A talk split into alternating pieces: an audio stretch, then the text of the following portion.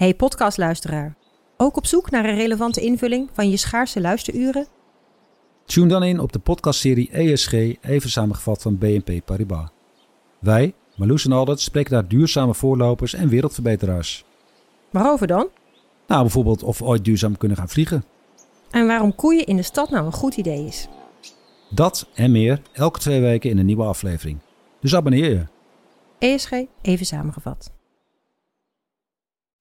Al 125 jaar kwaliteit voor jou thuis met Miele. Dat vieren we met jou. Ontvang nu tijdelijk een cashback tot 125 euro op veel Miele-apparatuur. Geniet van de kwaliteit van Miele. Voor perfect verzorgd wasgoed en kleding die veel langer mooi blijft. Voor een stralend schone vaat, even perfect als jouw diners. En een stofvrij thuis waarin echt hygiënisch schoon de standaard is. Check miele.nl voor alle feestelijke aanbiedingen.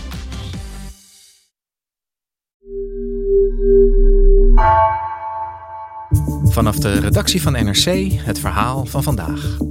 Mijn naam is Egbert Kalsen.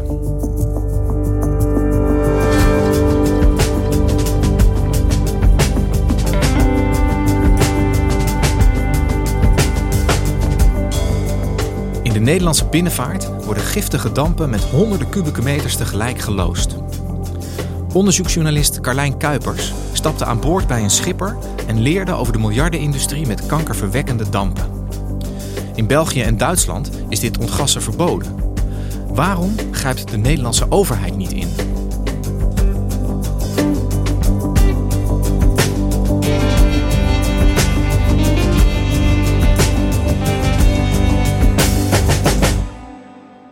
Begin dit jaar uh, fietste ik naar de Amsterdamse havens in het westelijk havengebied. En daar ging ik op bezoek bij Ton Quist. Hij is een schipper op een binnenvaarttankschip. 135 meter lang is zijn schip. En uh, Ton stond me daar op te wachten. Wat leuk je te zien. Wat heb je koude handen bij? Ja, maar het is koud. Het is koud, ja, dan moet je op dit fiets komen. Dat is lekker. Het is een uh, stevige man, witte baard. Heel vrolijk. alle instructies. Het schip van Ton is een soort drijvende fabriek. Als je aan boord stapt zie je grote buizen, ventilatoren, grote waarschuwingsborden met ontvlambaar. Uh, het is een enorm ding. In zijn schip kan net zoveel lading als in 120 vrachtwagens. En uh, schepen zoals deze varen heel veel door Nederland. Um, ze brengen olie en grondstoffen voor de chemische industrie van Rotterdam naar Amsterdam. Uh, en ze werken voor de grote raffinaderijen van Shell, Esso en BP. En die lading die jij nu hebt, waar komt die vandaan? Deze lading komt uit Rotterdam. En wat heb je aan boord? Uh, 3000 ton nafta en 2000 ton MTBE. En daar gaat men uiteindelijk ook benzine van maken. Ja. En Carlijn, waarom uh, ben jij aan boord gestapt bij Ton? Ja, hij nam me mee op zijn schip omdat we het gingen hebben over iets waar ik tot een paar weken terug eigenlijk nog helemaal niet over gehoord had. Namelijk het ontgassen van binnenvaartschepen. Ton houdt zich er al jaren mee bezig, maakt zich er hartstikke boos over. Uh, en het houdt in dat schepen die dus uh, fossiele brandstoffen of andere olieproducten vervoeren, als zij hun lading hebben afgeleverd bij een klant, dan blijft er altijd een rest dampen in het schip achter. Dus in die ladingtanks blijft iets achter en dat moet eruit voordat ze weer naar een nieuwe klant gaan. Want die wil het, het spul in een, in een schone tank. Dus wat schepen doen, is dat zij, als ze hun lading hebben afgeleverd, hun, hun tanks openzetten en met grote ventilatoren die restdampen gewoon naar de buitenlucht ventileren. Maar die dampen zijn heel gevaarlijk. Er zitten giftige, kankerverwekkende stoffen in. Uh, en die gaan dus rechtstreeks de buitenlucht in. Op het moment dat wij natuurlijk gaan ontgassen, dan komen die dampen die komen bij ons uit die tanks. En die dampen bereiken uiteindelijk het binnenste van het schip. Zoals stof overal doorheen komt, komen dampen ook overal doorheen. Dus wij ademen dat in. En daar kan je dus kanker van krijgen, of die kunnen je DNA beschadigen, of noem maar op.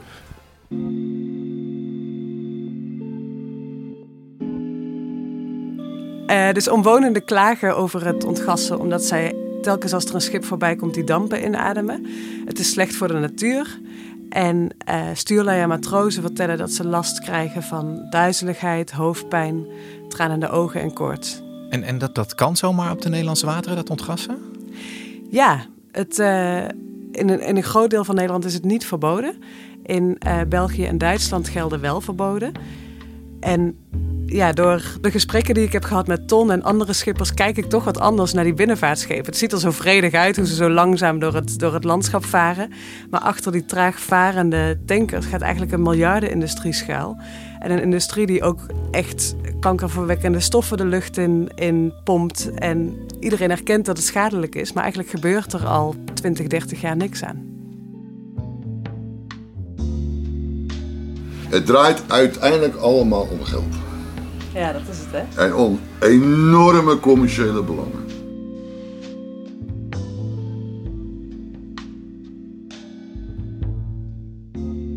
Dat uh, ontgassen van schepen, zoals dat heet, Carlijn. Ik, ik had daar ook nog nooit van gehoord. Uh, hoe gaat dat nou precies in zijn werk? Nou, ik zal een voorbeeld geven van een schipper die ik sprak, Mark Wink. Hij, uh, hij heeft een groot tankschip en um, als hij, hij moet chemische producten afleveren in Antwerpen. Dus als hij dat heeft gedaan, dan uh, is zijn tank leeg. En dan vaart hij vanuit Antwerpen naar de Biesbos, een natuurgebied in Nederland. Uh, en als hij daar is, dan zet hij zijn ventilatoren aan, zet hij zijn, uh, zijn leidingen open en gaat hij uren rondjes varen. Want het duurt best wel lang voordat al die dampen het schip uit zijn. Dus hij gaat acht uur rondjes varen door de Biesbos. ja, na een tijdje krijgt hij last van, van zijn ogen, krijgt hij hoofdpijn, koorts. Um, en als dat klaar is, als de dampen het schip uit zijn, dan vaart hij weer terug naar België om, om een nieuwe lading in zijn schip te laden. Ja, en, en hoe vaak gebeurt dit? Weet je dat? Het gebeurt um, ongeveer 15 keer per dag ergens in Nederland. Dus dat gaat om 5500 keer per jaar. En per keer komen er echt duizenden kubieke meters van die, van die dampen vrij. En 5500 keer per jaar is een heleboel. Jij, jij geeft het voorbeeld van de Biesbos, maar, maar op welke plekken gebeurt dit nog meer? Kan, kan dit op elke rivier gewoon? Ja, het gebeurt eigenlijk door het hele land. Het geval is dat er in Nederland eigenlijk verschillende soorten verboden zijn. Dus in dichtbevolkte gebieden mag het niet, maar dan in wat minder dichtbevolkte gebieden weer wel. Um, de schippers die, die navigeren een beetje naar de plekken waar het mag. Dus dat is uh, naar het Markermeer, uh, het Amsterdam-Rijnkanaal, uh, Krekerak, dat is ook zo'n gebied in Zeeland waar schippers uit België dan even de grens overkomen. Maar het gebeurt ook op de, op de Rijn. en de Lek is een belangrijke. Dat is een belangrijke verbindingsroute tussen de havens van Rotterdam en Amsterdam. Dus daar, daar gebeurt het ook veel. En waar was je dan naartoe gegaan om te ontgassen? Uh, dat mag niet meer hier in Amsterdam. Dat mag ook niet op het Amsterdam-Rijnkanaal en op de Lek. Dus dan moeten we naar het Hollands Diep, en naar de Volkerak en in Zeeland. Ja. En dan gaan we daar ontgassen. Dus uh, minder dichtbevolkt gebied. Dat zijn de zogenaamde dunbevolkte gebieden. Ja, ja. ja. En de mensen die daar wonen, die hebben pech.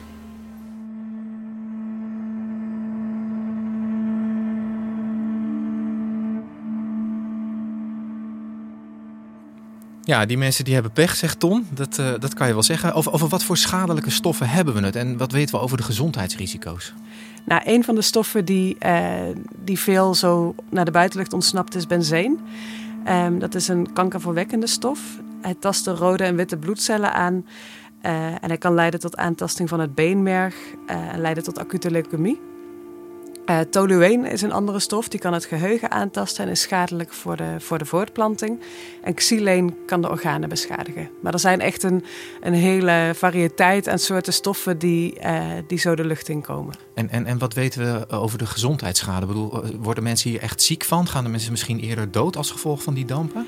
Ja, dat is moeilijk te zeggen. Het ministerie heeft eigenlijk nooit een, een, een heel goed onderzoek gedaan naar naar wat de precieze effecten zijn. Ik sprak ook een bedrijfsarts die uh, ook uh, gespecialiseerd is in de scheepvaart. En hij zegt van beroepsziekten worden in Nederland sowieso uh, niet heel nauwgezet geregistreerd. En in de scheepvaart is dat nog extra moeilijk, omdat het veel zelfstandige ondernemers zijn of mensen die op tijdelijke contracten werken. Dus we weten gewoon niet zo goed wat de effecten zijn. Maar wat we wel weten is dat de stoffen dus heel schadelijk zijn. En dat schippers vertellen van als ze, als ze ontgassen, dat ze echt last hebben van hun, uh, van hun lichaam. Dat ze het gewoon voelen in hun lijf. En daar maken ze zich wel echt zorgen om.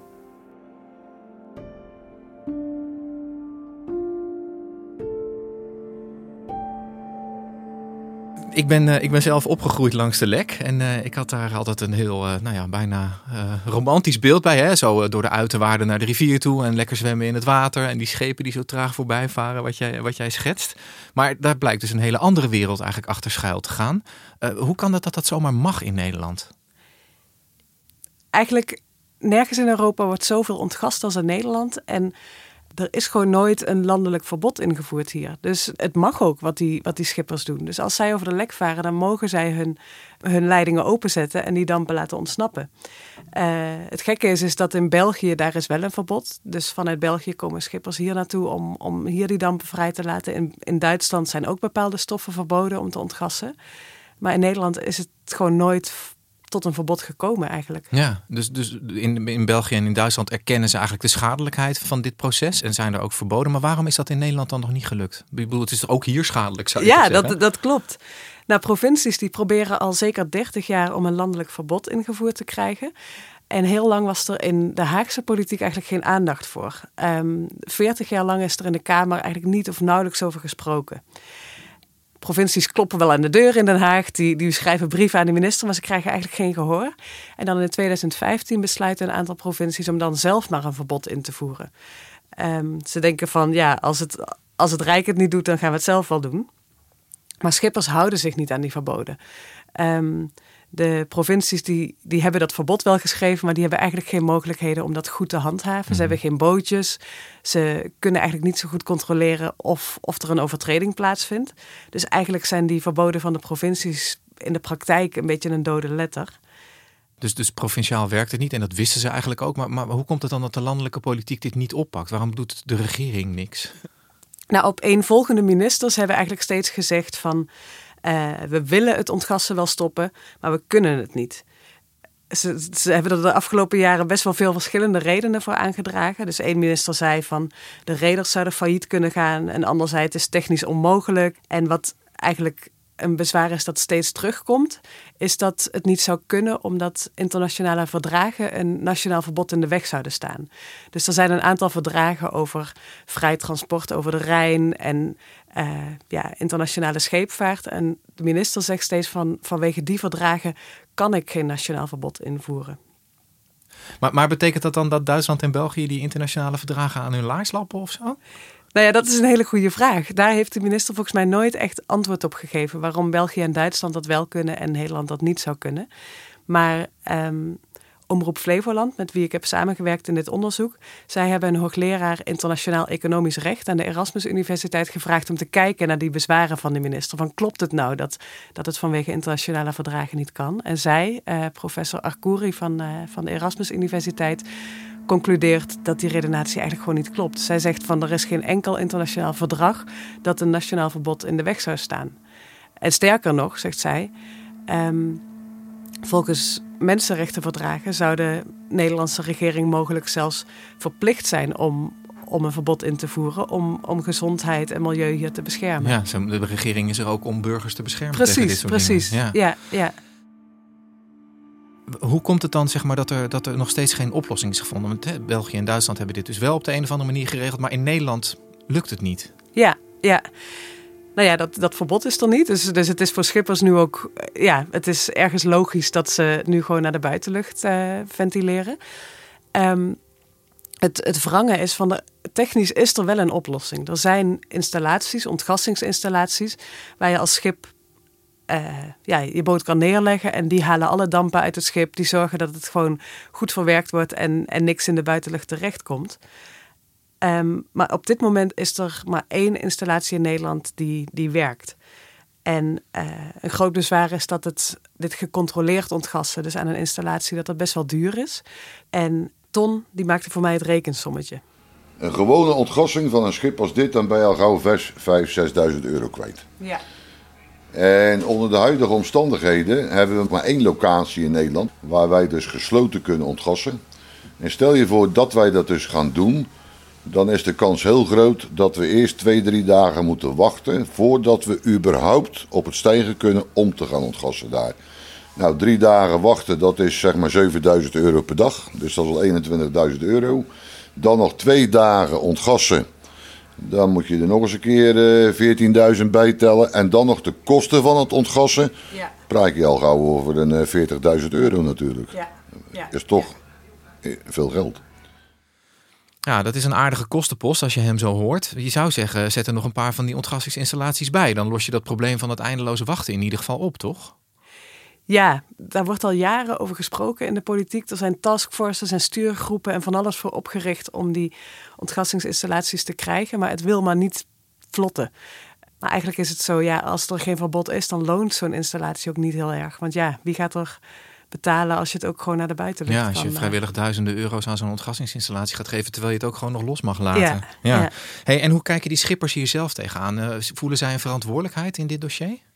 Ja, zij balen ervan. Ze willen, alle schippers die ik sprak, die willen dat het stopt.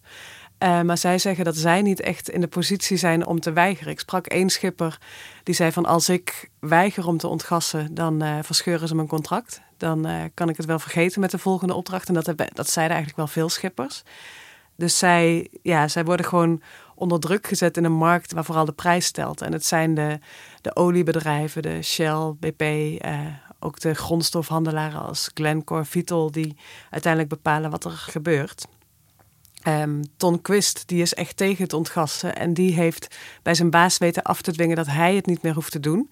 Zijn baas zorgt nu dat hij steeds dezelfde eh, soort stoffen in zijn tank heeft, zodat hij niet tussendoor hoeft te ontgassen. Maar dat is echt een uitzondering, want bijna alle andere schippers die, eh, die moeten gewoon. En die hebben niet de positie die Ton heeft dat ze het kunnen afdwingen. Die, eh, er zijn erbij die doen het soms twee, drie keer in de maand. Ja. Maar ja, die hebben dan bijvoorbeeld geen keus. Hé, kijk, als, als de baas zegt van, joh, ik heb liever dat je ontgast... hé, dan dat ik een dag stil lig of twee dagen. En de bevrachter die zegt ook van, nou, we zouden graag zien dat je ontgast. En de klant eh, wil graag hebben dat je ontgast. Nou ja, wie ben jij dan nog als loonslaaf om te zeggen, ja, maar ik ontgast niet. Ja. Is mijn baas zegt ook tegen andere schepen van, joh, eh, ontgas maar. Ja. Alleen bij mij zegt hij, jij hoeft het niet. Ja. Ja. ja. En Carlijn, die, die, die opdrachtgevers, hè, die chemische industrie, hebben die niet eigenlijk een hele grote verantwoordelijkheid? Ik bedoel, het zijn hun stoffen, zeg maar, die er eigenlijk voor zorgen dat die dampen in die ruimen of in die tankers terechtkomen. Kun je die rekening voor dat schoonmaken daarvan niet gewoon bij hun neerleggen? Ja, de afspraak is dus dat oliebedrijven moeten gaan betalen als er, eh, als er een verbod komt. Maar we zitten nu, een- ja, het is nu een beetje een situatie waarin eh, er is geen verbod, dus het loont nu nog niet om ontgassingsinstallaties neer te zetten. En eh, de minister wil geen verbod zolang er niet genoeg ontgassingsinstallaties zijn. Dus het gaat een beetje in cirkels. En het is een soort enorm kip-ei verhaal waar, ja, waar, waar eigenlijk al tien jaar geen echte doorbraak in komt. Ja. En, en, en totdat die ontgassingsinstallaties er zijn, lijken die, die, die, die opdrachtgevers, die oliebedrijven, die chemiebedrijven eh, eigenlijk het spel te bepalen. Ja, ja. En er zijn verschillende oliebedrijven, zeggen schippers mij, die gewoon zeggen van ontgas maar, ontgas maar, het eh, interesseert ons niks. Andere bedrijven, zoals Shell, daarvan zeggen schippers van die proberen wel om, eh, om steeds dezelfde vracht in een schip te vervoeren, zodat je niet elke keer hoeft te ontgassen.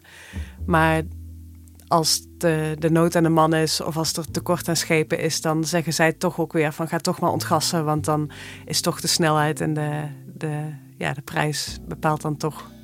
En het blijft nog steeds een mysterie waarom verschillende ministers zeggen van we willen een verbod, eh, maar dat er steeds niet komt. En eh, er komen steeds nieuwe bezwaren op tafel. En ik wil eigenlijk nog verder onderzoeken waar die bezwaren nou steeds vandaan komen. Wat daarachter zit, wat de belangen zijn die er spelen. Eh, dus ik blijf dit dossier nog wel even volgen. Ja, ik ben ook heel benieuwd naar de uitkomsten van jouw vervolgonderzoek. Eh, we nodigen je weer uit als je een stap verder bent. Maar voor nu bedankt, Carlijn. Graag gedaan.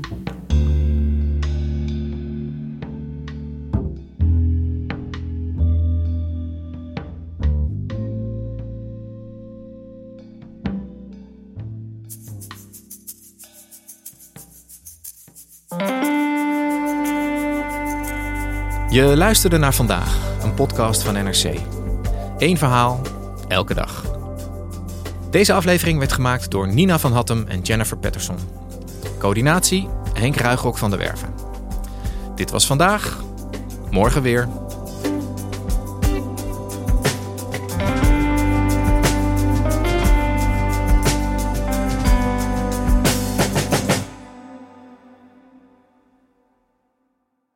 Technologie lijkt tegenwoordig het antwoord op iedere uitdaging. Bij PwC zien we dit anders.